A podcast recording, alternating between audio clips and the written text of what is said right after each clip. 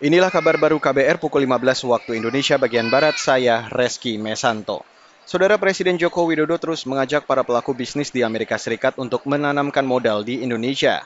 Saat mengikuti konferensi tingkat tinggi atau KTT khusus ASEAN Amerika, Presiden Jokowi mengatakan wilayah Indonesia memiliki kekayaan alam yang berlimpah dan kaya akan bahan baku industri dan penyediaan energi hijau.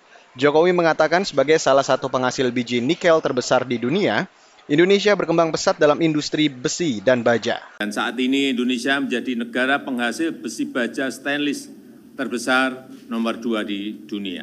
Transformasi ini akan diikuti dengan barang-barang tambang seperti tembaga dan bauksit untuk aluminium yang akan menjadi tulang punggung industri energi baru dan terbarukan termasuk baterai litium, dan mobil listrik. Presiden Joko Widodo menambahkan Indonesia juga sangat kaya dengan potensi energi hijau. Menurutnya, potensi pembangkit listrik tenaga air sangat tinggi dengan adanya lebih dari 4.000 sungai di Indonesia.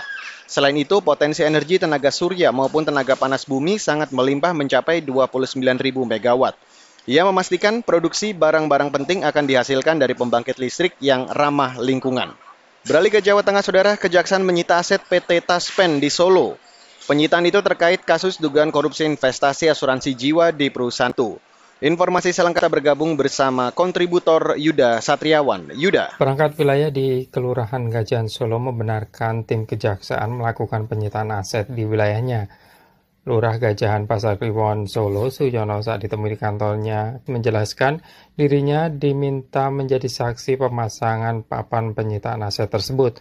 Menurut Suyono, aset yang disita tersebut terkait kasus korupsi investasi asuransi jiwa PT Taspen.